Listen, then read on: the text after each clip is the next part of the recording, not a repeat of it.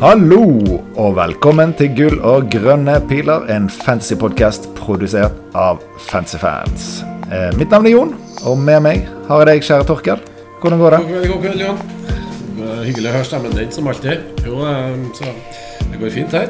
Og er klar for en liten eh, god fantasy-drodling her eh, på onsdagskveld. Det, det er alltid hyggelig. Ja, det er litt av en uh, uke vi har. Har jo spådd eh, tidligere at det kunne kanskje bli vanskelig å vite hva man skulle bruke byttene på, men eh, nå har vi kanskje en del noe de har lyst til å bruke byttene på, og så er det så veldig mange noenlunde jevngode alternativer som skal hentes. Så det er jo det mm, vi får diskutere litt. Men hvordan gikk eh, forrige runde, egentlig? Jo, den gikk helt sånn eh, For min del så gikk den helt, eh, helt ok. Veldig komfortabel med de to første rundene. Jeg tror jeg fikk eh, 55 poeng, så det var ikke noe sånn eh, Det var ikke noe fuglerunde. Men eh, det tok meg nå inn akkurat innenfor en million eh, totalt sett i OR, så da håper jeg at vi aldri går forbi, på feil side av millionen igjen i år. Men eh, nei, det var nå en runde der eh, der de blanka over en lav sko på midtbanen. Nå har vært Sjaka, Bruno, Rashford, og så leverte Mbuemo som eh, han leverte pari. 16 poeng. Og så var det Stupinian og Saliba. Ellers så var det ganske sånn eh, blankefest. Men eh, Saliba, Stupinian, Mbuemo og så en rolig Watkins-assist. Det var beholdninga. Men det ble greit nok, det. Okay. Ja, jeg har, jo, jeg har jo sett noen som har den midtbanen din bare uten Mbuemo, og da er det, da er det helsvart. Så han eh, redder eh, ganske mye. Ja, veldig, faktisk. Veldig, faktisk. Så um... Og, så, og han har faktisk ikke så veldig høyt eierskap. Vil du tippe hva det er, hvis du ikke vet det? Skulle akkurat til å trykke meg inn. Men hvis du tenker totalt i spillet, eh, så tipper jeg Men jeg så litt på det i runden, men det kan være ja, 18% Ja, men det er bra tippet. da. Det er 20 så det er faktisk eh, Jeg vil jo si at det er en liten diff enn så lenge hvis du sier at du spiller mot eh, alle som har et lag. Så Absolutt. det er sitter faktisk en, sikkert en god gjeng der ute som hører på som ikke har Mbuemo, så kondolerer. Men nei, Nei men du fikk 55, ja. Jeg fikk eh, 56 poeng, jeg, da. Så det er jo ca. Det, det samme. Og de som får poeng for meg, er vel eh, nesten de samme. Jeg har, uh, hadde Sala kaptein. Ja.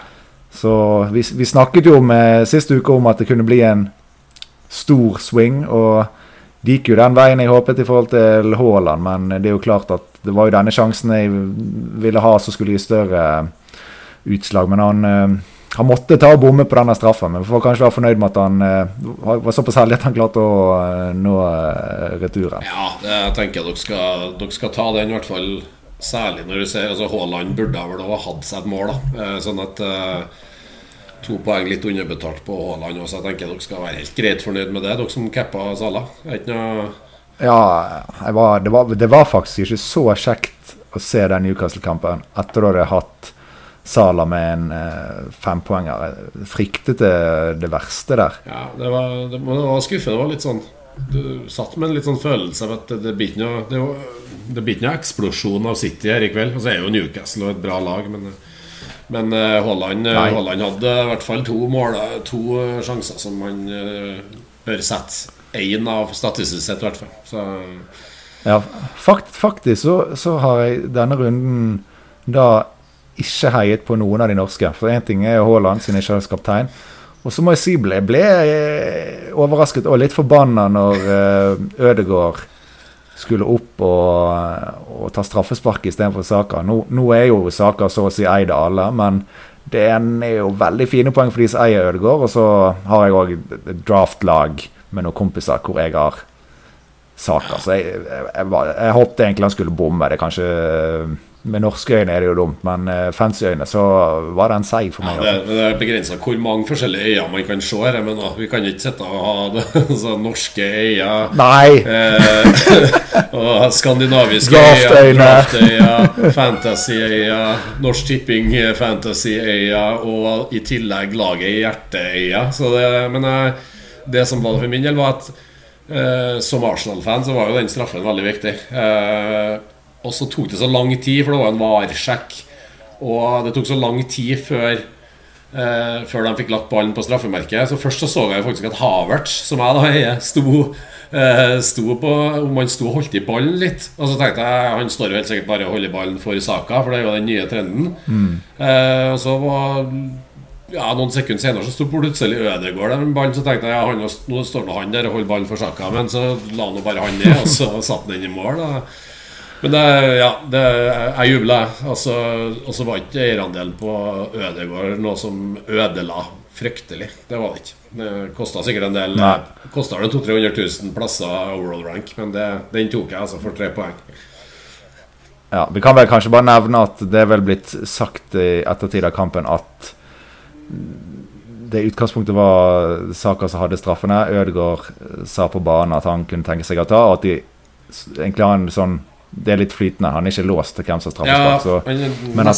Saka har jo bommet vel i, i preseason og i i straffekonken mot City i eh, Hva det heter igjen? Community Eh, Shield, Community Shield. Så det ser jo i hvert fall lovende ut for Ødegaard, og aksjene til Saka falt jo litt nå, selv om han eh, ikke nå snakker om å selge noe som på fancy, men aksjene sank litt, og Ødegaard sine aksjer steg litt. Så Ja. han er mer aktuell for meg, Ødegaard, nå enn han eh, var før den Ja, og det var, det var jo Ødegaard sjøl i, i intervjuet med Kasper Wikestad etter kampen som ble spurt om det. Han, eh, Kasper hadde vel fått, fått melding fra sin kollega Jonas Berg Johnsen tror jeg, om å spørre ganske konkret om, dem, om eh, straffere. Eh, og da sa Ødegaard at de har ikke, de har ikke snakka noe om det i forkant. De har ikke avtalt noen straffeskytter, og de avgjør det ute på banen. Og så tipper jeg at det er jo sikkert da Saka og Ødegaard som tar den første diskusjonen der. Eh, de, de er såpass gode kompiser at de fikser det der og avklarer det der. Men det kan godt hende at det er Saka som vil ha seg en straffe hvis vi får det mot Følham i helga. Det, det, det er ikke noe tvil om. Men at det her endrer litt på at Ok, vi trodde kanskje i hvert fall med Jesus ut, og trodde vi at Saka var klink straffeskytter. Det er jo i hvert fall endra litt. Så uavhengig av om, eh, om det her eh, sånn det blir framover, så har det i hvert fall endra litt. Det har tatt saka litt ned og Ødegaard litt opp. Det er det ikke noe tvil om.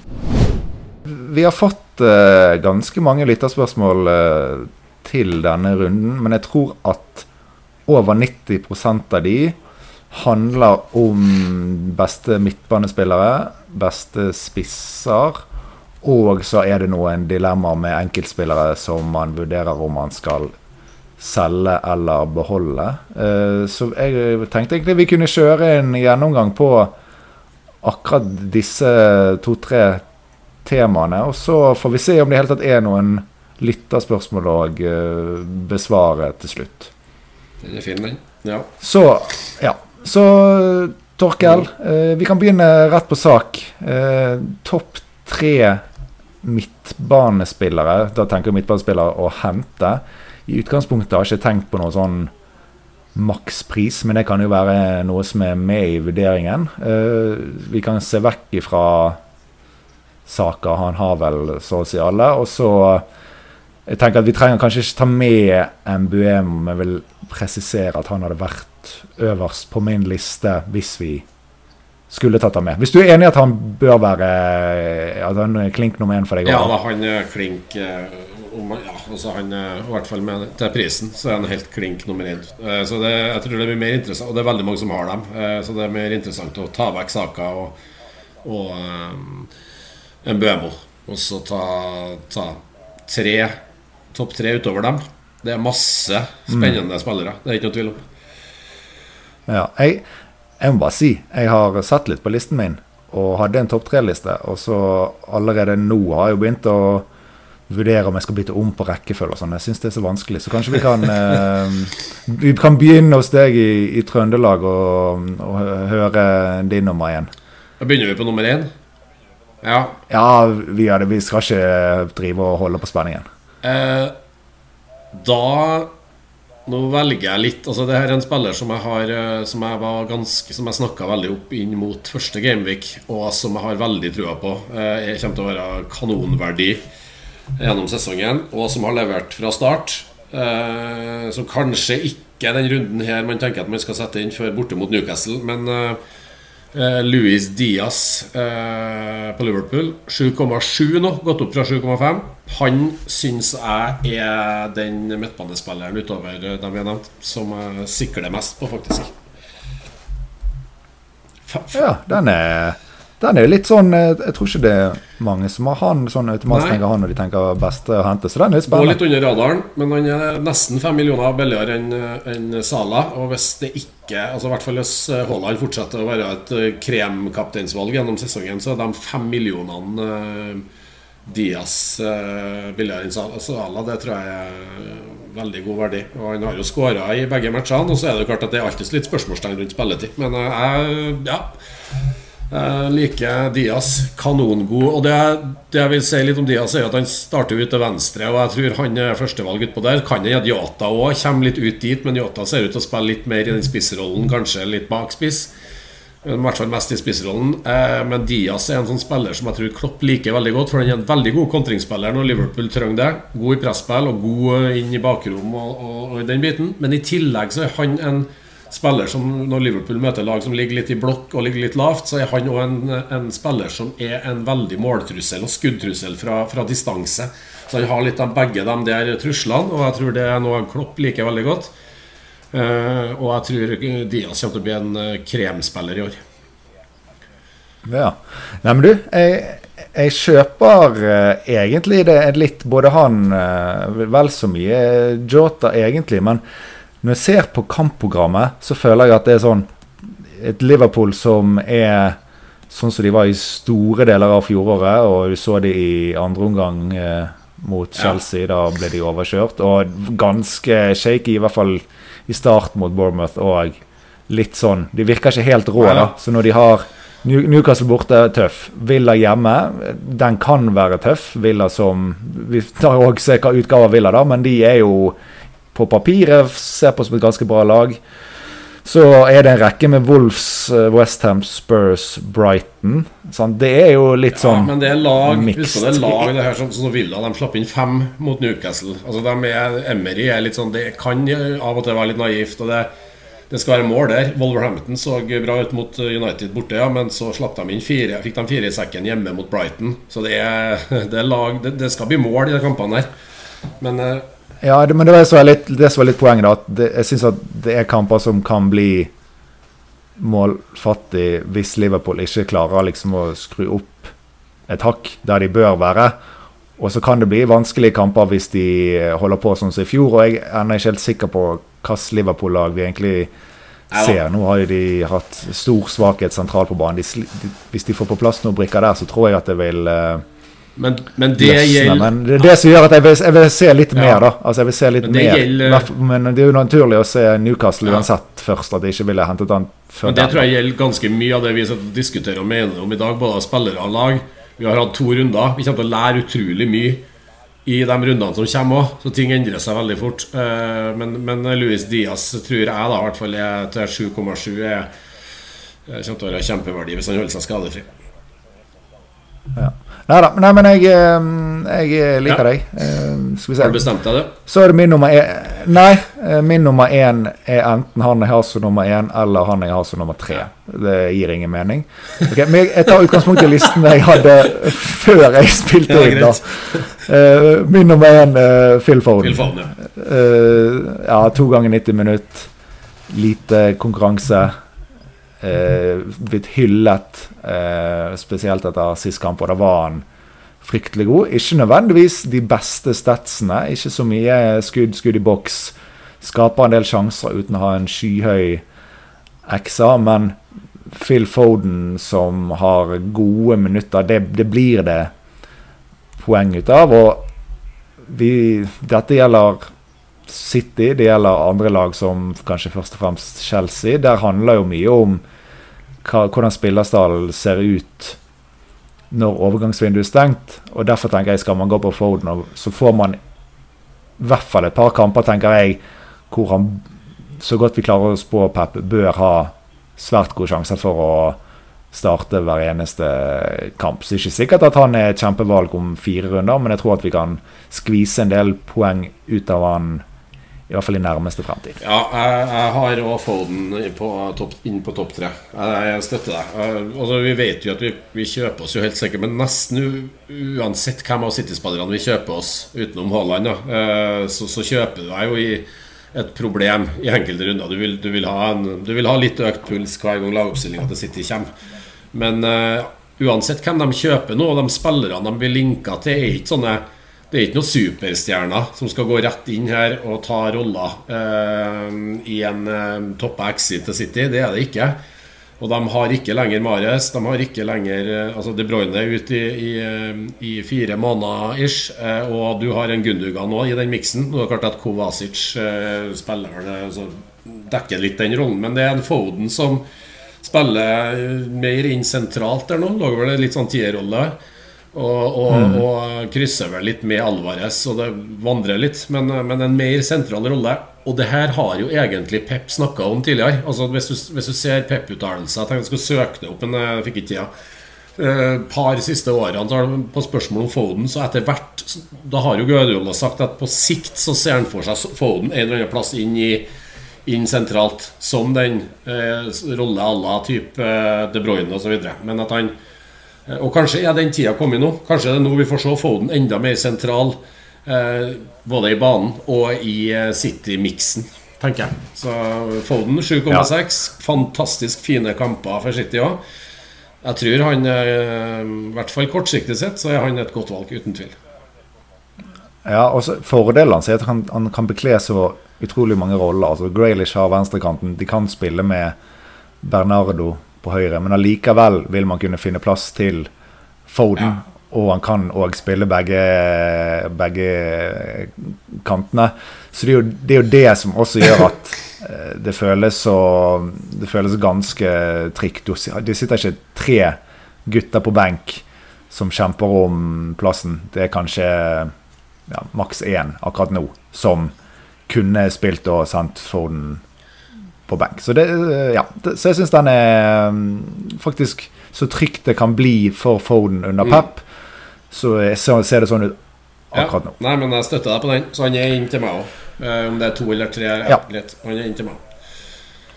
Ja, ok, Men da har du egentlig fått tatt to, da, så da drar jeg på med en til. Nå flytter jeg min tredjeplass opp på andreplass, for det gir mest mening. Um, der har jeg en spiller som jeg tror en del har litt lyst til å selge.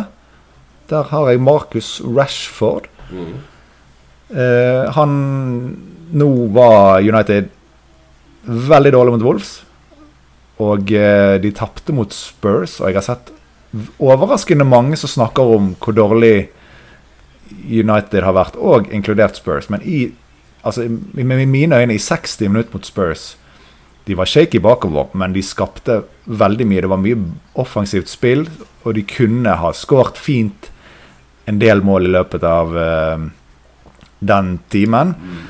I tillegg nå, hvis vi kan jo håpe at Rashford skal uh, få spille litt uh, til venstre igjen. Han har allerede nå masse skudd i boks og touch i boks og er involvert, så jeg ser, føler at nå at nå, det han har levert nå, er absolutt ikke godt nok, men at det nesten bare kan bli bedre. Og med da det sånn han har sett ut med FP-løgne, ikke nødvendigvis med fotballøgne, med FP-løgne, så har han jo vært farligheter ganske mange ganger. Så at han kan komme inn for meg, det er absolutt ikke umulig. Så ikke gå for tidlig, da. Han kan jo fort synke i pris uh, før jeg vil ha han. Men uh, nei, Så for noen kanskje det overraskende, men han er ganske hot ja, for meg. Uh, jeg tenker jo at uh, Ten Hag nå med den starten uh, Ganske Jeg tror det er noen United-supportere som begynner å bli litt uh, Ja, det er litt sånn misnøye. Hvor har det prosjektet her Har det utvikla seg nå? Er egentlig laget noe bedre enn det var på altså, altså, Hvor er utviklinga til Ten Hag og hans prosjekt?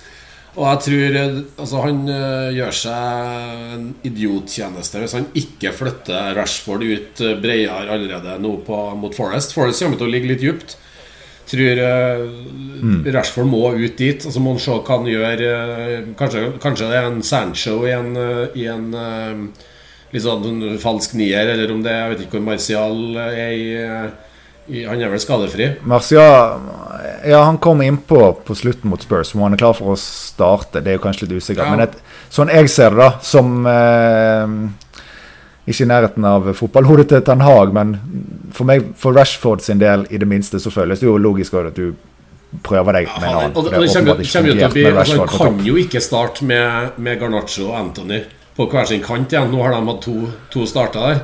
Det kommer til å være unison pipekonsert på, på Old Trafford og på pubene rundt der eh, på når lagoppstillinga eh, offentliggjøres. Hvis begge dem er på i elver igjen nå, så han må prøve å han må dra det til litt. Han må sette Rashford i sin beste posisjon. Og så er det vel rykter om at Mount er ute. Jeg tipper kanskje at vi da får en litt sånn balansert midtbane med Eriksen eh, og eh, Casemiro, eller kanskje til og med McTominay skal inn sammen der. Og så at vi får Bruno litt høyere.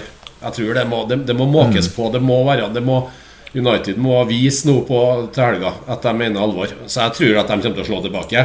Det er ikke sikkert at de sprudler, men jeg tror vi skal få tre-fire Manchester United-mål eh, i helga. Det tror jeg. Rashford, ja, og det er ikke at Bruno skal på listen, men han òg var jo mer offensiv mot mot Tottenham enn mot Wolves, og det hjalp jo veldig på. Så jeg òg ser den Mount-skaden, som er vel ryktet om at i hvert fall fort ryker eh, kampene frem til eh, landslagspausen, og at det vil gjøre, som du sier, Bruno mer offensiv. Og det vil nok stor sjanse for at det gagner Rashford, for da har, da har han veldig god servering. Istedenfor at det Istedenfor å ha en uh, og mye dypere og funker ikke å slå ballene fra så langt bak når det ikke fungerer på topp, og ha han lenger fremme vil uh, Nei da, men jeg er imponert. Det, det, det krever litt uh, fantasy-erfaring å sette inn Rashford akkurat nå. For det En ting er den kampen de har nå, men så har de Arsenal borte og, og Brighton hjemme i de to neste etter det. Så hvis, hvis, de ikke, hvis det ikke løsner noe mot, mot Forest, så, så, så så blir det fort litt uh, kattepine akkurat å tatt den inn nå. Men, uh, men, Rashford er jo, som jeg sa Han hadde jo, kunne jo ha levert noe mot Tottenham. òg. det er jo kamper og mot Arsenal borte og kan passe Rashford ganske bra, det. Kontrings, mm. uh, kontringsfotball. Så og, ja, og Brighton ikke, Brighton er, god, men ikke vant tett tilbakeover. Så det er, det er sånn, Spesielt mot Arsenal, da, men der er det sånn eh, Jeg trenger ingen offensive, men er det én offensiv jeg vil ha eh, for United mot Arsenal, så er det ja, Rashford. Enig da. Vi skåra over der i fjor, ja. Så Nei, det er jo klart at uh, du blir, henter du Rashford nå, så blir du jo litt skuffet hvis han går av med to poenger, og så ser du Arsenal-Brighton. Men jeg tror at han er en Hvis du holder han litt tålmodighet, ja. så kan du stå med han lenge. Det blir poeng, og sånn sett hvis du ser på et perspektiv på, litt langt perspektiv på en åtte-ti runder, så veldig stor sannsynlighet for han har samlet mer poeng enn f.eks. Ford. Stor sjanse for at vi som har Rashford allerede, eh, blir belønna hvis vi er tålmodige med han eh, neste sju til ti rundene. Eh, mm. Greit. Men uh, vi, vi, må ha ja, Da er det ikke noe tvil. Altså, jeg tror faktisk jeg starta gjesteopptredenene i, i podkasten her i, i, i, vår med å sette inn eh, Kai Kjøleskap Havertz i, da i Chelsea-drakt. Nei, du skal, du skal ikke ha han på topp tre og hente. Nei, det går ikke. Han har blitt med meg gjennom sommeren, og i Arsenal-drakt så er han jo inne i laget. Eh, nei, jeg skal ikke ha Kai Havertz. Jeg har Kai Havertz, men eh, han er ikke min topp tre.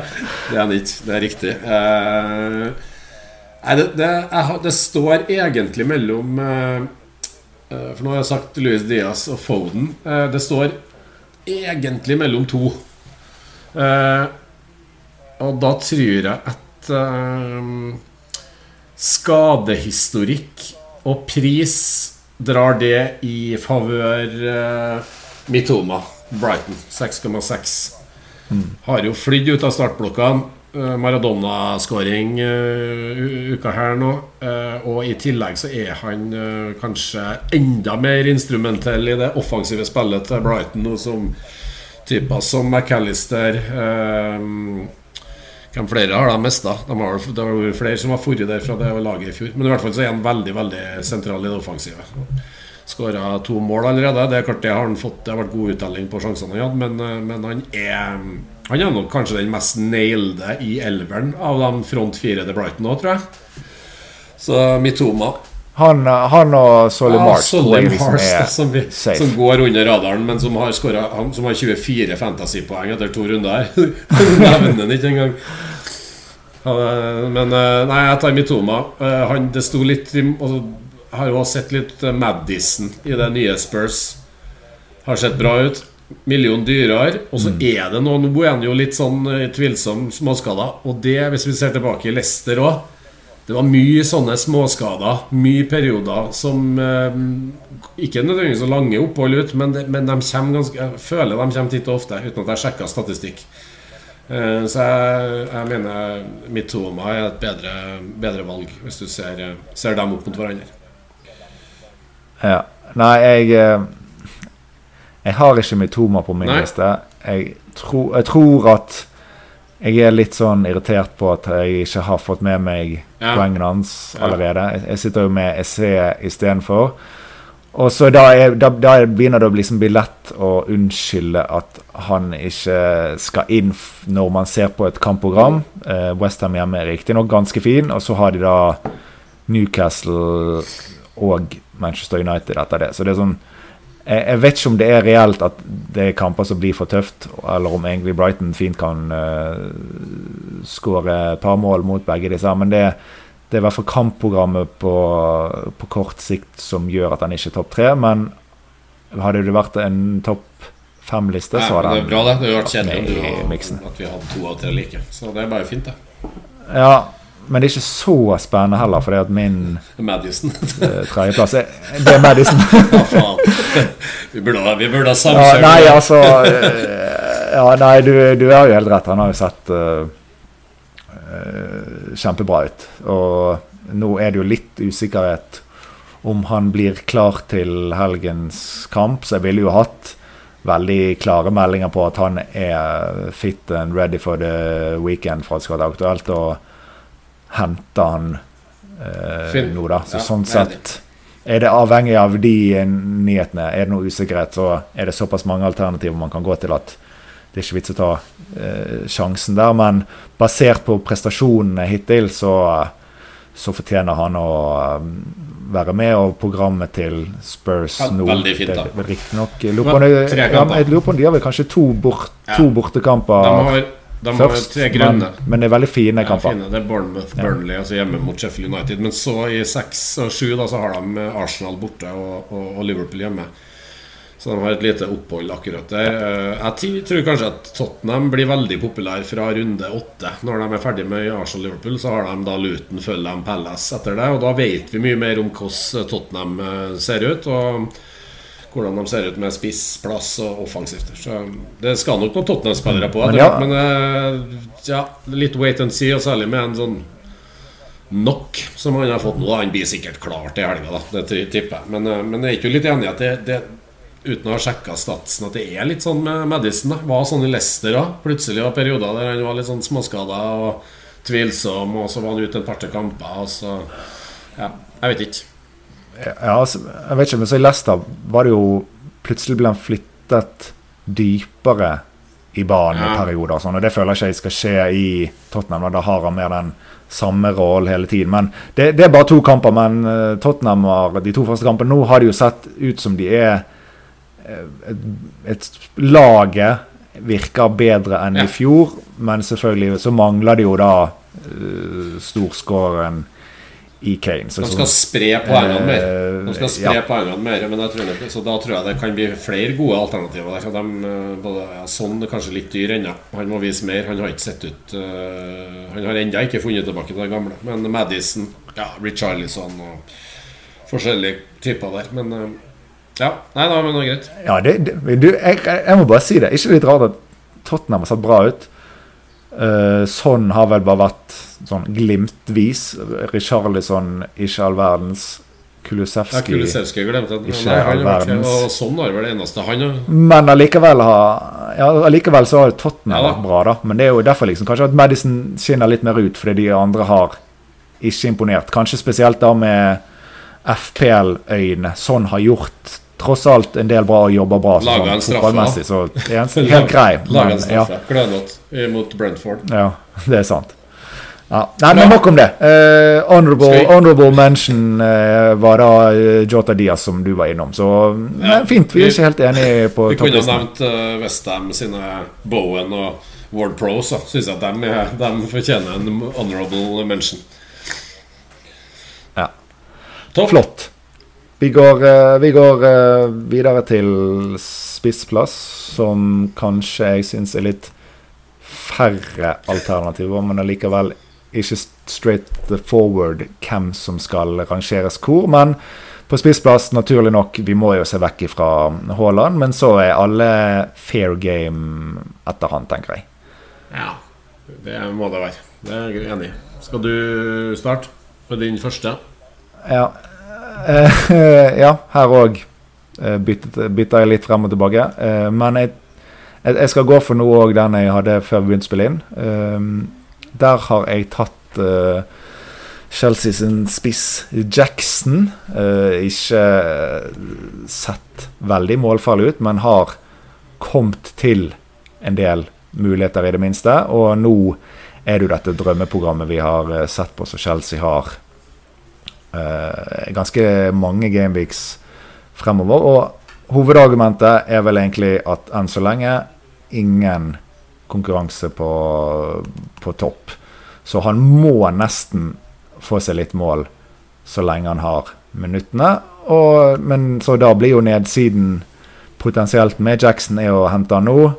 Chelsea får inn en ny spiss som nok vil fort få noen muligheter hvis Jackson fortsetter å ikke levere. Men jeg syns at han eh, i dette klimaet vi er nå, hvor det ikke er sånn all verdens med bytter som presser på, det er ikke veldig mange branner i lagene til folk, med mindre de er uheldige, så er det verdt å hoppe på han. Og vet man om at han kanskje må ut om noen runder, men òg at han kan få bra med poeng i en fin eh, rekke med kamper. Ja, det er greit. Eh,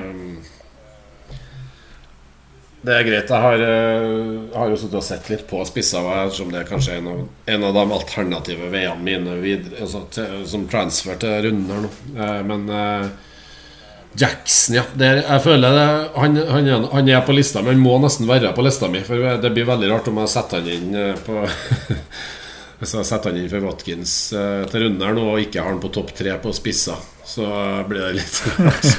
Men jeg er usikker på hvor jeg plasserer han. eh, For jeg føler at vi kjøper en Vi kjøper ikke nødvendigvis en spiss som har vist oss en masse bra både i Chelsea og i andre klubber han har vært. Eh, Så vi kjøper mer midtspissen til laget Chelsea på en måte før to veldig gode kamper. Det er jo Ja. det vi gjør.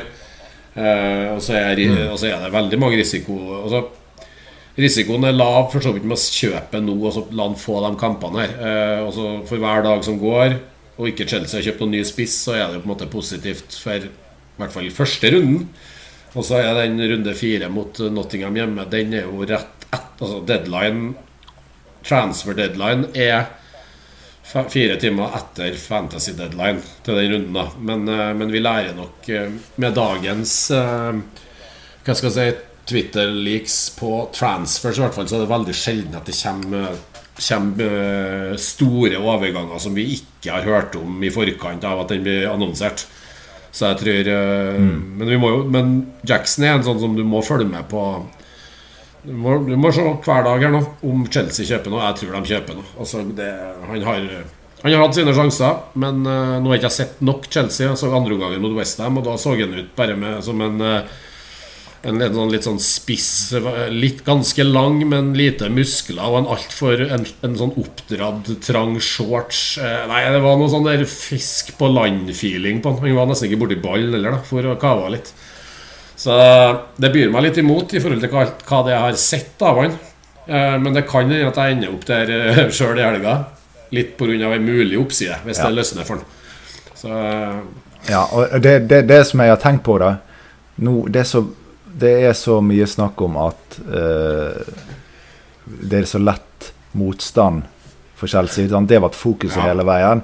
Og så ser vi oss litt blind på hvordan, ja, hvordan er laget Chelsea. Og de var gode nok, absolutt, Ja. mot Liverpool. Og så falt de igjennom mot Westham. Så vi vet jo fremdeles ikke hva Chelsea vi kan se for oss, hvordan de skal være de neste seks Wolverhampton så jo bra ut mot god motstand mot United. Falt fullstendig gjennom hjemme mot Brighton. Chelsea med det laget de har nå, akkurat nå, sånn som jeg ser det, eh, de er ikke mye bedre som lag enda enn de var gjennom fjorårssesongen. De har egentlig ikke De har egentlig nesten, i hvert fall hvis du ser på navn, så er de nesten svakere enn i fjor. Men det er jo sikkert bedre spillere, og det blir mer mm. Pochettino bygger det på en egen måte. Men de har utrolig mye Det gjenstår utrolig mye der. Men kanskje litt det samme som med Manchester United. Har en hjemmekamp på Nottingham nå etter en frynsete start. De vil legge litt ekstra i det og på en måte Faen, nå skal vi vise oss fram. Nå skal vi vise at vi er, vi, vi er the real thing i år. Vi, vi, er å regne med. Vi skal, og, og, litt det samme med Chelsea. Fredagskveld der mot nyopprykka Luton.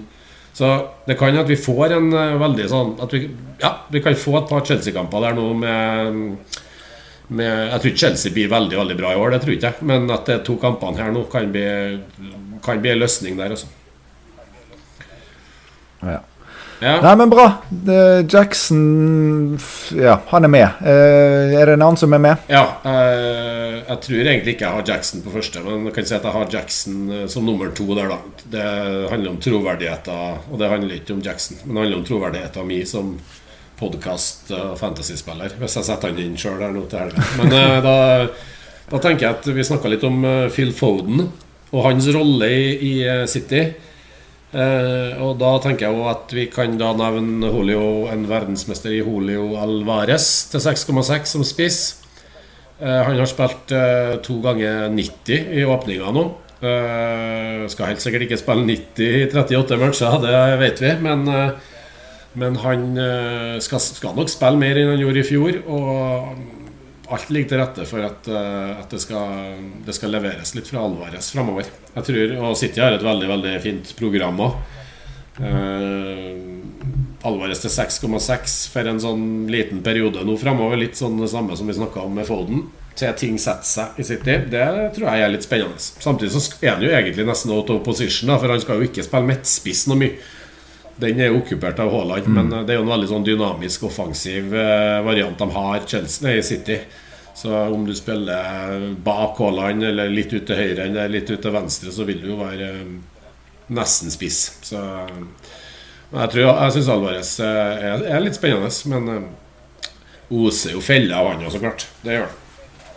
Men jeg har han der. Ja. Nei, jeg, ja, jeg har Alvarez med på listen som min uh nummer tre. Og jeg tror som for egen del at eh, hvis jeg skal gjøre et dobbeltbytte midt og spiss, så vil jeg fort heller velge Foden. Og jeg kommer nok ikke til å ta Foden og Alvarez og at, uh, å sitte med begge. Så da, da blir Alvarez for tredje for meg. Men ellers er jeg uh, helt enig med deg. Og når City skal slippe litt opp, og kanskje de skal begynne å i noen av de lettere kampene kanskje vinne 5-0 igjen, og sånn som de har i seg, så er det jo garantert at han er involvert i noe. Så det er, det er poeng der. Og så um, litt sånn halvveis så godt det kan gjøres garantert spilletid på kort sikt, og så vet ikke vi på det. Jeg tror ikke å ha Haaland, Foden og Alvarez i laget samtidig. Det er jeg har spilt fantasy lenge nok til at det, det kommer til å brenne deg i fingertuppene ganske fort. Ja. Men uh, da har jeg en igjen på listen. Der, jeg begynte å tenke på om han egentlig bare burde vært nummer én. Det er Vissa på Brentford. Han har egentlig ingen ankepunkter mot seg utover at han har ikke spiller 90 minutter. Nå har han spilt 71 og 78 minutter i de to første kampene. Men han har jo sett veldig bra ut. Veldig gode blant de beste underliggende statsene som er der ute. Brentford har et veldig fint kampprogram. Og jeg føler på en måte at man ikke skal la seg skremme det av å doble Brentford. Altså, jeg tror det er der det ligger litt. At det er derfor altså, vi har Ja, men det er den teorien. Eh, hvis Brentford plutselig blir dritdårlig, så sitter du med to. Så ja, men du kan like gjerne snu på den. Hvis de fortsetter å være kjempegode, så er det helt kanon å ha de to til lav pris og benkers bankers i laget. Så jeg er ikke, jeg er ikke i det hele tatt med på den der at det blir for mye Brentford. Det er to enkeltspillere som skal gi deg fantasypoeng. Det er ikke noe eh, lagspill, eh, det her. Og spesielt prisen gjør jo ting veldig attraktiv. Folk kan jo til og med vurdere om man skal hente Vissa for den døde spissen Ja. sin. Fordi det er bare Han har vel sikkert gått opp. Han begynte på 6, jeg vet ikke om han er 6-1, 6-1 eller hva han er. Ja. Så jeg bare liksom, Vi har ankepunkter på Jackson, vi har ankepunkter på Alvarez. Ja. Færre ankepunkter på Vissa. Eh, Det er ikke et svakere lag enn Chelsea, og de har som sagt et veldig fint program, de òg. Så derfor begynte jeg å tenke sånn Har jeg egentlig sånn kjempemange grunner til å gå Jackson over Vissa? Og nei, men jeg er ikke sikker på, på det. Så derfor er det at han kanskje til og med skulle vært min uh, nummer én. Ja, nei, jeg syns Vissa er fin, han. Så det er vel litt uh, det med altså, minuttrisk ikke risk, da, men han ble tatt ut 71 og 78. Men 78 er tatt ut uh, som spiss. Da leder de 2-0 borte mot Føllem. Eh, Det, er, det, det tror ikke jeg man skal legge for mye i. Men han blir sikkert tatt ut litt sånn rundt 75-80. Det kan vi kanskje forvente. Eh, Det, det kan være helt greit, det. Mm. Så Vissa er fin. Men jeg vil også nevne eh, Jeg har med han òg. Jeg syns det er Alvarez eh, Alvarez eh, Jackson og Vissa som på en måte Og det, det handler veldig mye om akkurat nå og inn mot runde tre og fire. Eh, Men jeg har jo Watkins i laget mitt, og jeg tror jo fortsatt at Watkins, eh, tross at strafferne eh, er tydeligvis ikke er på han, så tror jeg han er et godt valg uh, framover. nå ble han tatt ut litt tidlig i, mot Everton, som var litt sånn bekymringsverdig for mange, men, men det og det hadde ikke jeg tenkt nok på. Jeg hadde ikke egentlig tenkt i det hele tatt på at Aston Villa Jeg visste at de skulle være med i Europa, men jeg hadde ikke tenkt på at de skulle spille kvalik allerede nå. Eh, Det hadde ikke jeg med meg i eh, prosessen inn mot Gameweek 1, så det tar jeg litt sånn sjølkritikk på. Men eh, nå spilte de første kvalikkampen i kveld og vant 5-0 borte mot Tibernians. 70 minutter på Watkins og hat trick. Fint ut der. Det gjør at de kan spille Da, da hviler helt sikkert Watkins i hjemmekampen mot Tibernian neste uke. Og skal ha bra med minutt både mot Burnley og Liverpool nå før landslagspausen. Eh, Jeg tror Watkins er et godt valg òg, så det, det er ikke enkelt å ta ut han. Og så har du Eddie Nketia som går litt under radaren. 5,6. Eh, I utgangspunktet så var jeg skeptisk til om hvor mye han skulle få spille, men eh, nå når han både En ting var at han starta hjemme mot Forest, men at han òg starta eh, i bortekamp med et helt annet eh, ja, motstander borte mot Pellas der, når han starta den òg, og var god. eh, Kreerte straffesparket. Uh, Skåra i første kamp, var livlig. eh, livlig mot Pellas. Han skal nok òg garantert starte mot Fulham. Så på kort sikt, hvis vi snakker om det på en del av spissene her, så tror jeg også Nketia er, er et godt valg. Men sånn som jeg har jo til Arsenal, og det er det mange andre som har òg. Men eh, Nketia kan jo være noe å vurdere, altså. Men han blir hugga av han da. Rundt Det er han som ryker først, offensivt som regel. Han og Martinelli har sett ut til å ryke først nå i år. Uh, Havertz flyttes da gjerne opp på topp, eh, og det tror jeg ofte er litt pga. Uh, at Arteta setter pris på både høyde og størrelsen til Havertz med tanke på dødballer imot og på tampen av kampene. Så Havertz har jo stått og da flytta opp på topp når Nketia har blitt bytta ut. Men uh, Nketia er hakket mer målfarlig enn Havertz uh, per i dag, ser jeg. Ja, jeg har ikke så mye å legge til utover at når jeg så Pelles-kampen, så var han bedre og egentlig farligere enn jeg Ja. hadde sett for meg. Så det er Det var bra, faktisk. Det var tenkte jeg, Han er eh, sånn som det er akkurat nå, så klarer de seg fint med han på topp. Det var, det, ikke, et- det var ikke et veldig stort savn av Jesus, men det er jo klart det er jo forskjellige spillertyper. Og, eh, men Enketi er jo kanskje litt mer egoistisk enn eh, Jesus, som er flink til rettelegger. Men det er jo bare bra i fancy-øyemed så lenge man får spille. Og det syns jeg han ser ut som han skal få gjøre, og fortjener å gjøre. Så enig at han er grei å, å nevne, skal ikke glemme han. For Jesus Jeg jeg vet ikke om Har det noe timeframe på Jesus? Er det forventa han tilbake etter Nei, jeg tror det er lenger enn det. Eh, men jeg har ikke noe oppdatert. De, de har ikke kommet med noe mye, men det var, ikke, det var vel snakk om en eh, åtte til ti uker når det skjedde, og det var jo rett før sesongstart. Eh, tipper jeg at vi, jeg tipper at den skal være altså, Kanskje den land, ikke en landslagspause i oktober? Jo, det er det. Eh, etter runde åtte så er det en landslagspause. Men eh, Så Nketia Ja. ja. han er nok en sånn type som Han blir jo på et eller annet tidspunkt et problem. Det gjør han. Og han kan òg hugges før 75 hvis vi sliter litt, tror jeg. Så ja. Og så tar han opp en Arsenal-plass. Eh, det er jo noen midtbanespillere og forsvarere som er aktuelle der, så ja, han er, Men han er et godt valg. Altså, han er kort sikt er han fin til 5,6 millioner. Spiss på Arsenal. Hvis vi snakker om eh, Jackson som spiss på Chelsea til 7 så, så Jeg kjenner, at, eh, jeg kjenner at jeg blir snakket litt ut av Jackson. Ikke nødvendigvis på Enketia, men bare sånn argumentene vi har for Jackson. Du fins tilsvarende eh, argumenter Vi jeg, vi setter slå for andre som ikke er aktuelle oss selv i hodet på fredagskvelden der. Når han der med den korte shortsen og de lange fotene der. uh, for å snuble inni Nei, jeg vet ikke. Det er mulig jeg, prøv, det er mulig, jeg- mulig Det er jeg prøver det. å snakke meg ut. sånn det. er mulig jeg prøver å snakke meg sjøl ut av det, men alt det her sett, så er jeg ikke overbevist. Så det kan godt hende at jeg er inne der, som sagt. Ja, jeg syns bare at det du sa nå, snuble inn et mål Jeg føler òg at det er det han må gjøre for Ja, å få sitt første mål. Det kan jo at han blir Maradona i det han snubler inn den der, da. Eller han blir en Adebayor eller noe, noe sånt. Men eh, Ja, åh. nok, nei, nok spissa. Alexander Isak eh, droppa vi å nevne. Han Han fløy jo imot Ja. Vi har vært veldig flinke til å snakke om eh, del én, som var midtbanespisser. Så vi skal prøve å være litt mer effektive på del to her, som er da eh, Hva gjør man med denne spilleren? Det er temaet. Så nå skal jeg ta nevne noen spillere, og så får vi diskutere litt hva vi ville gjort med vedkommende hvis vi eide. Og noen av de eier vi jo gjerne sjøl i tillegg. Men Rett på sak. Eh, Joao Pedro, han eh, startet ikke sist kamp. Kom innpå på slutten, fikk gult kort.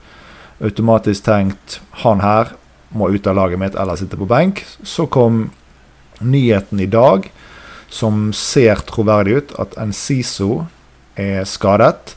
Og Enciso spilte jo egentlig på plassen som Joe Pedro har. Og da er det jo lett å se for seg at nå er det jo en god, god, god sjanse for at Joe Pedro skal starte akkurat da neste kamp mot uh, Westham. Men ingen blir overrasket hvis han ikke leverer bra. Kan bli uh, byttet ut noenlunde tidlig og da igjen står i fare for å ikke starte neste kamp. Men det, ja, det, vi har i hvert fall fått gode nyheter i forhold til Enciso med Joe Pedro. Men hva tenker du, Torkel? Ja, jeg tenker Jeg har han ikke sjøl, da. Eh, Men jeg tenker at eh, Pedro nå er Med de nyhetene om Enciso, så tenker jeg at eh, Og den kampen de har i helga, så tenker jeg at uh, Joao Pedro er en hold, men ikke kjøp. Ja, Absolutt ikke kjøp. Eh, Men han er nok en hold. Og så kommer laget litt an på om han skal benke eller starte. Ja. Jeg ser for meg at han fint kan holdes denne, og så frykter jeg egentlig i ganske stor grad at han blir en man ønsker å bytte ut, med mindre man fint kan ha han på benk eh, når vi kommer til runde fire og fem. Newcastle hjemme og Manchester United borte. Sjansen for at han enten ikke har levert kjempebra mot Westham, eller bare det at det er to tøffe kamper, gjør at han eh, ikke kommer til å være så, så hot. Så, så det er ikke det dummeste du kan gjøre heller, er hvis du har et uh, dobbeltbytte og du har en spiss du har veldig lyst på. Det er ikke idiotisk å bytte han ut heller, men heller ingen problem å beholde. Så han føler jeg nå er han veldig lagavhengig, men absolutt ikke noe sånn must selv som han kanskje så ut som at han var i morges og Nei, så tror jeg eh, mange av de lagene jeg har sett med Pedro inn, det er jo de som, dere som har Sala i tillegg. Sånn at det, det er jo at kanskje så er det Hvis, hvis man eh, skal bruke de to byttene og skal nedgradere Sala, så er kanskje Pedro fortsatt en man kan eh, vurdere å oppgradere. Altså Ikke sånn utelukkende hold. Kommer litt an på setting. Men eh, jeg tenker at eh, han dem som eh, har andre ting å tenke på, dem kan trygt holde Pedro en runden her. Og i hvert fall sånn, med tanke på denne runden, så sitter jo, ofte, sitter jo mange med gode forsvarsspillere òg, så du kan egentlig lett Ja plassere han på benk hvis du ikke helt Tror ja. i hvert fall ganske mange. Ja. Nei, men greit. Eh, hopper videre til neste, da. Det er din mann eh, i forsvaret til Arsenal, Gabriel. Han har eh, kommet inn i begge kampene og levert et fint poeng i begge de. Hva skal eiere gjøre? Ja, du ser din mann, eller Min mann det er nå vel kun med Arsenal alene. For jeg rakk vel å få, få han ut av laget mitt. Eh, nå har han gått ned til 4-9. Nei, det der eh, Jeg tenker han er Han er det, altså, Jeg tror ikke han blir solgt til Saudi-Arabia. Den tror jeg det er bare å legge død. I hvert fall nå i det vinduet her. Men eh, hans standing har jo endra seg. Det er et eller annet der. Så Eh, Kanskje starter han mot, eh, mot uh, Fulham, fordi nå ble jo Tomiasu skada. Nei, utvist. Vi får se litt hva, hvordan uh, Arteta tenker der. Om Zinchenko er allerede klart å starte, eller om han, om han setter opp en variant med, med, med Gabriel og Saliba. Uh, så det kan være, men, men, men han, hans posisjon her nå er, er, ser skummel ut. Så at han er en selv. Men eh, om det må gjøres nå, det, det er jeg litt usikker på. Kan jeg at du kan vente. Men jeg mener han må selges. Og så han stuper i pris. Og ja, selg. Ja. Jeg støtter deg på, på selv. Eh, med mindre da man er i den situasjonen at det gir mening da med et typ dobbeltbytte. Sala eller et eller annet ut og en spiss inn, så kan du sette eh, Gabriel Ja, ja. Fint på, på benk, i det minste.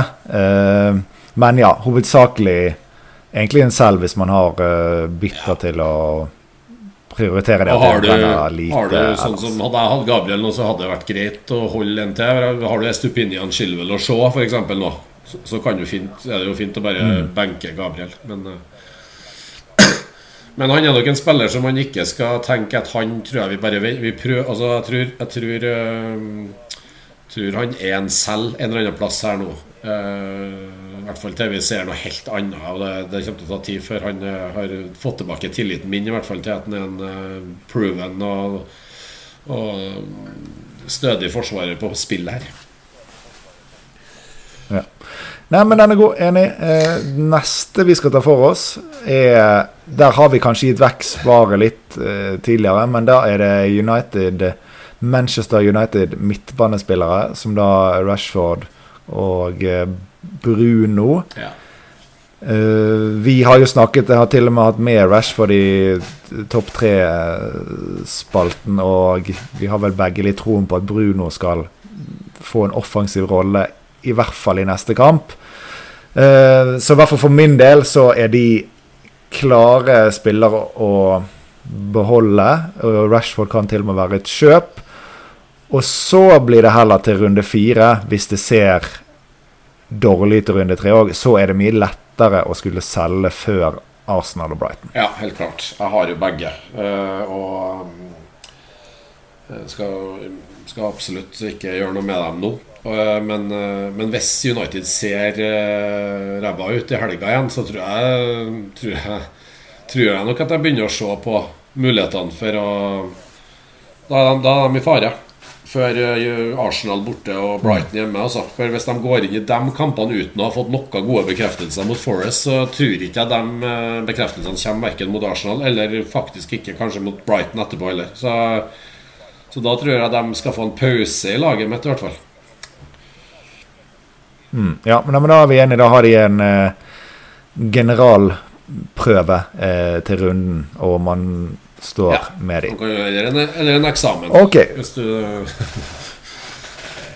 Ja, kanskje en eksamen eh, passer bedre. Eh, nest siste jeg har på listen. Du kan få lov å legge til til slutt hvis det er spillere jeg har glemt. Men eh, da har vi eh, mannen med straffebommen. Eh, Mohammed Salah har vel eh, to fempoengere hittil, så ikke blenket eller noe. Men skal inn i et sånn både-og-program. eh, Først og fremst Newcastle borte. Jeg sitter på en, du gjør ikke. Eh, har du noen tanker om hva du ville gjort hvis du hadde sittet på Sala nå? Det har jeg Jeg tror jo han eh, Jeg tror nok jeg hadde sett at det er muligheter for å, for å selge han, men han eh, Det kommer veldig an på. Ikke, det er ikke noe automatikk i det. Altså. Jeg synes han, han vil jo fortsette å, å levere poeng, han, men prisen der og, og, og når er det du kan cappe han neste gang? Det er vel en stund til, ikke det? Uh, jo, det, det er Hvis Braut gjør det Braut skal, så er han ikke kapteinsmateriale på veldig lenge. Men jeg føler jo sånn, hvis du kun ser på Sala, hvis du driter i prislappen, for du har han allerede inne, hvis du ikke trenger pengene, så vil jo alltid Sala levere poeng. Så det jeg har sett på som mulighet til å beholde han, er jo sant, med Joe Pedro-nyheter. Ok, kanskje jeg kan uh, stå med han i hvert fall én runde til. Laget ser bra ut. Jeg har allerede benkeproblemer. Jeg kan benke Joe Pedro og ha, stå veldig bra med laget. Uh, vil selvfølgelig ikke brenne et bytte, men det går an å kjøre et sånn enkelt uh, Baldock til Gusto, eller sånne forbedringer, et eller annet drit, for å få mer informasjon og sitte med to bytter inntil uh, runde fire, og fremdeles da har muligheten, alltid har muligheten til å bruke Sala som cash cow. For det å skulle gjøre uh, ett enkeltbytte, og det er Sala til Foden, eller noe i den dur, det tenker jeg ikke er gir meg noe særlig, bare for å sitte med fem mill. Ja, det, det, da kan jeg heller fikse på noe andre greier som ikke er noe viktig, men å heller samle litt mer uh, informasjon. Uh, så det ser jeg på den muligheten folk kanskje har til å beholde ja. Sala. Uh, noen sitter jo med Sala og type Kai Havertz, Martinelli, altså folk som man kanskje ikke har så lyst på heller. Selvfølgelig ikke optimalt tidspunkt før fulle, men hvis man da har en midtbanespiller som koster mindre, så går det òg an å kaste en av disse typene istedenfor ja. Sala. Få inn den midtbanespilleren du vil, og så kan du fremdeles se an Sala til senere. Så du har noen ja. scenarioer der det går an altså, å Hvis du sitter og venter med noe og tenker at altså, den, eh, Han er jo veldig fin i runde fire. sånn at en av momentene med å sitte med er jo at hvis altså, det kan jo skje ting. En ting er at spillere blir kjøpt, men du kan få noen skader og sånt som gjør at plutselig Altså, Braut blir skada, plutselig så har du beste kaptein i, i runde fire allerede inn. Uh, og uansett mm. uh, Og det kan dukke opp andre ting som gjør at du, du trenger de to byttene andre plasser i neste runde òg, men da kan du jo fint sitte med Sala. Men det er klart at på et eller annet tidspunkt så så uh, vil du nok sikkert, vil nok sikkert ha de midlene spredd litt mer utover. tror jeg, da.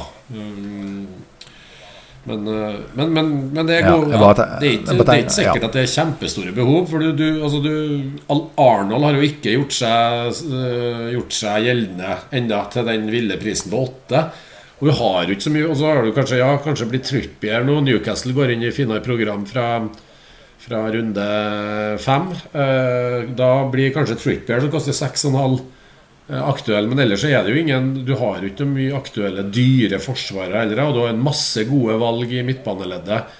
Som vi har snakka om allerede, med MBMO, Mitoma typ. Eh, og vi har spisser i ja, Alvarez, eh, Vissa, Jackson. Så det, er jo ikke, det er ikke sånn at det, det, er jo ikke krise å ha de midlene bundet opp i salen, sånn som ting er akkurat nå, tenker jeg. Nei, altså, jeg har jo sett for meg eh et scenario hvor man står med Sala en runde til, finner ut at nei, det er Bruno jeg vil ha ut, og jeg vil ha ut Joe Pedro. Ok, da har du penger til å få inn Vissa, Jackson eller noe, få inn en midtbanespiller. Uh, om det uansett nesten hvem du er som er nede i pris på Foden og de du nevner, og fremdeles da kan stå med Sala mot er det, så, bare sånn, så er det noe fare for at han uh, går ned i pris, da? Uh, ja. ja. Men, men det, det, det, det, er litt den der Nå snakket du nettopp om at trenger vi egentlig midler til noe spesielt, ja. og da skal vi i hvert fall ikke begynne å regne på en 0-1. Uh. Nei da, men jeg bare tenker at uh, det er fort gjort å bare tenke Sala ut, men han har jo vært farlig. Fem pluss fem. Han kunne lett hatt mer straffeskåring, skulle vært på plass. Han har skutt i tverra, han har blitt centimeter var offside. Og så det er bare Sånn det virker som folk snakker, da, så er det liksom Sala skal ut. Det er avgjort. Men det kan være absolutt verdt å gå en runde og tenke at Husk at han er Han kommer til å få masse poeng i år. Det er ikke sånn at du må få et, gjøre et dobbeltbytte, føler jeg, med Sala, hvor du oppgraderer en annen plass ganske mye for at han skal Altså, ja, Foden og disse gutta er ikke sånn at du kan forvente at de skal få mer poeng enn Nei da, Sala, Diaz, men jeg tipper Diaz eh, Ja, jeg tror Diaz eh, kommer til å være mindre enn 20 poeng bak Sala når, totalt i sesongen. Når vi er ferdig. Ja, Så får vi jo se på straffene til Sala. Det vil fremtiden vise. Men nå har han begynt å bomme en god del her. Men uh, vi, får, vi, får, se om han får beholde dem. Han, han kommer til å bli så grinete, han Sala, hvis han blir tatt av strafferne. Klopp lar det sikkert ture å gå en stund til, tenker jeg. Nei, men greit, Sal har gjort. Jeg har én igjen på listen. Jeg tipper du, ditt svar er ganske enkelt og greit. Men jeg, jeg har sett en del snakk blant Watkins-eiere. Vi har også fått ja. lytterspørsmål på Watkins om han er en man skal ta ut. Og da er det nevnt eh, gutta våre i eh, Jackson, Alvarez, Vissa. Altså, er det noe man skal bruke et bytte på? Da regner jeg med at man står Vi må ta anta at man står sånn ganske mm. bra ellers. At det, det, du kan ikke bare si 'gjør et bitte et annet sted'. Kanskje man er veldig fornøyd ellers. Men um, er det egentlig noen som bør selge Watkins? Jeg, skal, jeg, kan ikke si kategorisk nei, for det kan godt hende at det skjer til meg. Uh, pønske litt på, for jeg har jo to frie bytter nå, og Watkins er en av dem som, som kanskje Kanskje peker seg ut som den som er enklest å selge da nå. Men uh, mm. nei, det er ikke noe automatikk i å selge han. Altså, han er ja, Vi snakka om at han ikke har hatt straffere, og sånt Og så har Villa et tøft program osv. De har Burnley borte nå. Der kan de fint uh, det, er ikke, er superrød kamp, det. og så har de Liverpool borte, og den ja, syns eh, Villa periodevis, i hvert fall i første gangen mot Newcastle, kontra veldig bra med Diaby, Bailey og Watkins og skapt en del trøbbel for Newcastle da, men så kollapsa det andre omgangen. Men øh, når jeg så Bournemouth kontra Liverpool hardt i først, særlig første omgangen på, på Anfield eh, nå. Så tror jeg Villa kommer til å skape trøbbel der òg. Watkins skåra på Anfield tror jeg faktisk både i fjor og året før. Så eh, Watkins, og nå med hat trick i, i, dag, kom inn litt i flyt. Han har jo fått eh, to målpoeng allerede på de to kampene òg. Eh. Nei, Han er ikke noe automatisk salg, altså. og at han ikke er på straffere. Ja, han har, hva jeg så i dag, han har tatt ni straffere i, i sin karriere som pro da, siden 17-18-sesongen. Og da han, På ni straffere har han skåra på fire og bomma på fem. Eh, så kanskje det er like greit fantasymessig å ikke ta strafferne. For eh, hvis du da regner inn at eh, hvis Villa får fem straffere, så tipper jeg jo Watkins fort statistisk sett er den som skaffer tre av dem. da I hvert fall to. Så skal du ha litt poeng der òg. Så jeg, jeg, tror kanskje at Watkins ikke, straff, ikke er på straffer. Det skal ikke legges for mye vekt på, i hvert fall. Det er en liten, ned, så klart, men ikke veldig mye.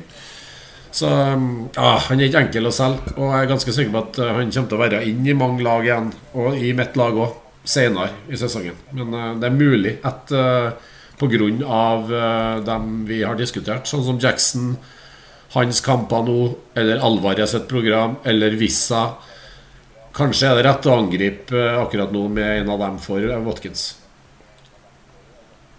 Ja. Jeg støtter deg egentlig sånn hvis du står veldig bra jeg ser på det som en forbedring å få han eh, ut. Ser på statsen hans eh, første to kampene. Det er jo riktignok liten sample size, men det er, ikke, det er ikke veldig mye snacks i forhold til flere av de andre aktuelle spissene. Så jeg tenker den er, den er helt grei. Også. Men altså, han er jo absolutt bedre enn Joe Pedro. Så hvis man pris ikke er noe issue, så er det jo også litt rart å, at man skal begynne å tenke på å stå med Joe Pedro, men selge uh, Watkins, da, sånn egentlig. Men uh, Nei da. Uh, det, den kan gå begge veier, men det kan forsvare seg selv, og vi er mange som diskuterer altså, ja, det, det, ja. det, er aktuelt å selge. Men han er ikke noe sånn klinksalg. Og så er det, altså, hvis du ser review, men review er jo nå tidlig i sesongen. Litt begrensa tallmateriale osv. Både på lagstyrke og spillere. Eh, så, og minutt. Eh, så, men eh, har, de har nå Watkins som den spissen som skal ta fjerde mest poeng neste fem da, fra nå. Bak Braut, Isak og nevnte Jackson. Men ganske langt over mm. Vissa, f.eks. Seks poeng mer, fem poeng mer enn Vissa. Fire poeng mer enn Nei, tre poeng mer enn Joao Pedro. Så vidt mer enn Alvarez. Ganske likt med Alvarez. Ja. Nei, men Kanskje vi bare sier det sånn at uh, Han er selgbar, men hvis du gjør det, så da står du egentlig Ja, ganske godt i det. da. Vi har holdt på i over en time, vi nå, så nå kjører vi Vi kjører ett lytterspørsmål. Uh, litt raskt svar før vi runder av. Uh, Anvar eh, Breiteig. Hvem er beste erstatter for Gabriel? Det syns jeg passet fint, siden vi landet på at Gabriel er eh, kanskje den av de vi nevnte i sted, som er det klareste salget. Um, Få høre. Ja, eh, og da tenker jeg at vi kan, eh, kan vi si at Skylvel og Estupinian i hvert fall ikke, ikke er med i den eh, for Hvis du ikke har dem, så er helt klart Estupinian eller skilvel, hvis du kommer deg dit direkte. Kanskje krevende. Men jeg vil faktisk si at beste erstatter, hvis du har råd til å gå da direkte til Saliba, så tror jeg faktisk det er beste erstatter. Men eh, den eh, koster jo 0,2 den nå for en Gabriel-eier. Ettersom Gabriel har gått ned til 4,9 og Saliba har gått opp. Så det er mulig at det trengs støttebytte. Eh, så da vil jeg nevne, Ja, du- da vil jeg nevne Henry du- til deg på Brentford. Som du kan gå direkte ned til. Ja, tre du trenger mer enn bare støttebitte. Du trenger mental støtte for å klare å trykke to Ja runder for seint, Gabriel til Saliba. Men eh, jeg er helt med. Sånn teoretisk er det bra spilt når du først er i den eh, Saliba er ikke så altså. veldig målfarlig, men han fikk seg en uh, random assist i første kamp. Men han er jo en, uh, han er ganske bra på bonuspoeng altså, i kamper der vi holder null. Og jeg syns, Arsenal ser veldig bra ut defensivt. Så Saliba til 5,1 er fortsatt veldig, veldig bra, tror jeg. Ja. Ja, og så har du Det er litt både med kamper, så ser litt an eh, hva dekninger man har, kanskje spesielt i runde Ja. mot United. Så har du runde seks Spurs, runde åtte og ni City Chelsea. Men eh, det gjelder jo uansett for hvem man eh, kjøper, at det bør jo passe inn med de resterende forsvarsspillere man har. Um, jeg støtter deg uh, i det du har sagt. Uh, skal du ikke opp i pris, men ned. Uh, nummer én min Henry, du nevner han. Nummer to kanskje der er Colwill. Og hvis du trenger mer penger, så kan du gå ned, og ned på Gusto i Chelsea til fire. Det tenker jeg er sånn Ja da, enkelt greit, liksom. Er jo. Eh, Gusto, ja. Hvis han er så klink høyre, altså erstatteren til James, så, så er han fin, han til fire. Men det er jo litt, det er litt skummelt å sitte med to 4,0. Men, men det kan gå, det, i en fase nå. Og så er det kanskje, kanskje, kanskje vi skal nevne Newcastle, Newcastle da. For hvis du ja. tenker litt lengre sikt, og det gjør du kanskje med en Gabriel-erstatter, så tenker du litt lengre sikt nå. Så, så blir jo programmet til et defensivt solid eh, Newcastle og mye bedre. Botman er jo en direkte swap til 4,5 der. Og så kan det jo være muligheter for å bane vei for Trippier, men det, skal være, det er ikke rette timingen å gjøre det nå. Så direkte erstatter er da eventuelt Botman, da, hvis du, skal, hvis du tenker Newcastle med en gang. Ja.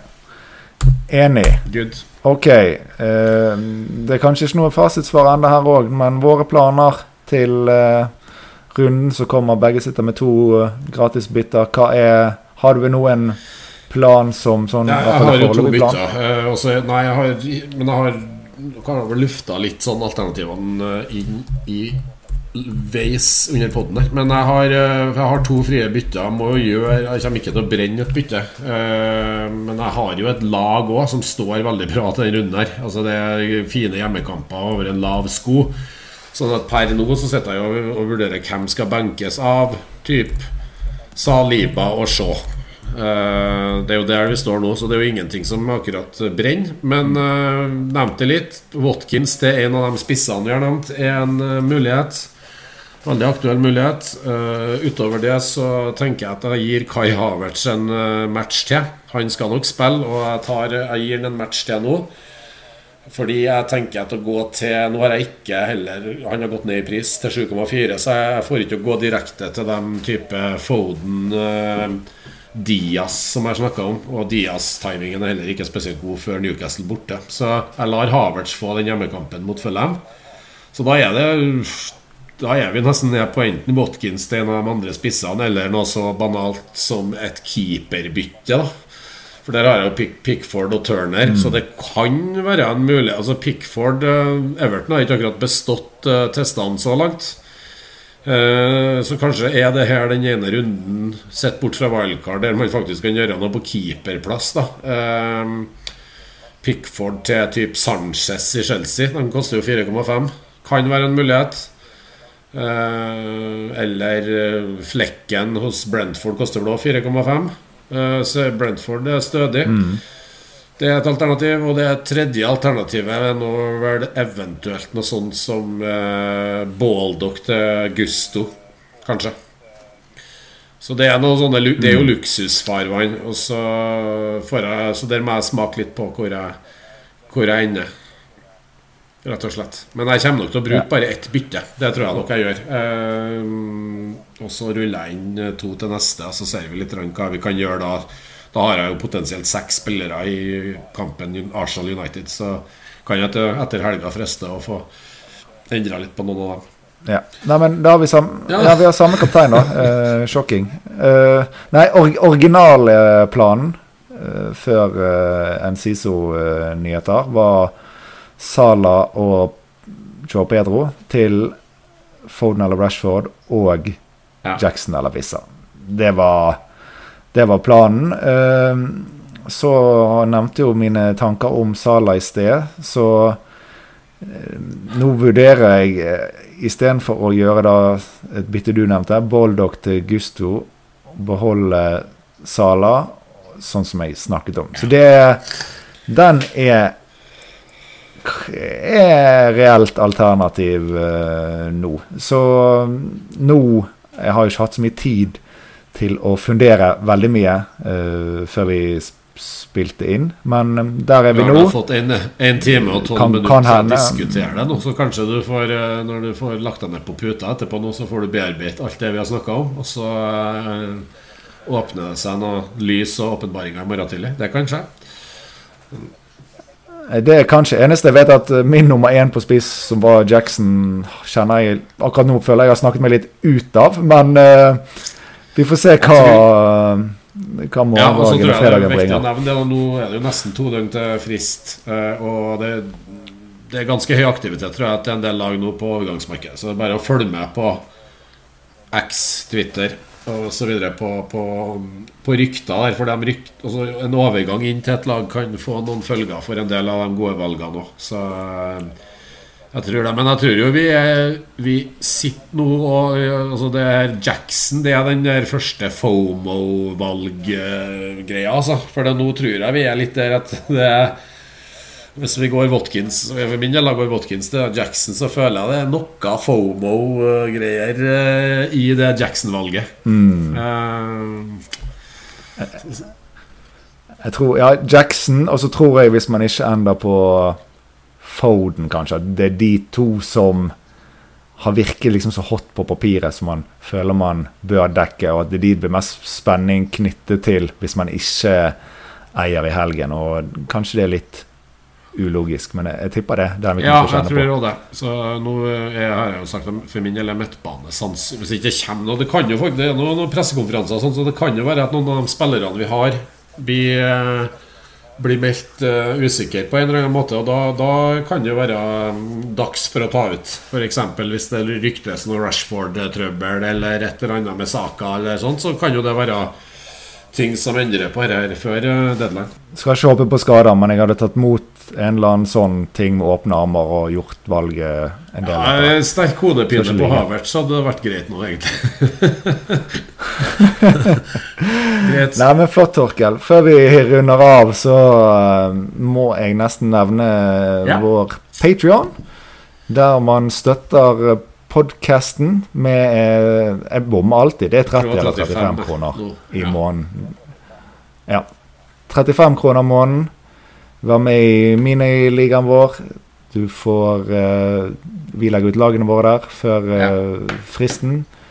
Og du får stilt uh, spørsmål der. Og først og fremst da støttet oss i vårt arbeid med en forhåpentligvis OK pluss podkast. Så det er patrion.com, og søk opp gull og grønne Yes. Gjør det. Ja. Torkel, det var en eh, glede å snakke fancy med deg eh, nok en gang. Vi eh, kjører på neste uke selvfølgelig òg. Og ja, hva skal vi si? Avslutte med å si lykke til med runden nå. er god jul, da. Ja, ja. Nei, men god jul, god påske. Lykke Yes. til med runden. Snakkes på den andre siden. Vi snakkes.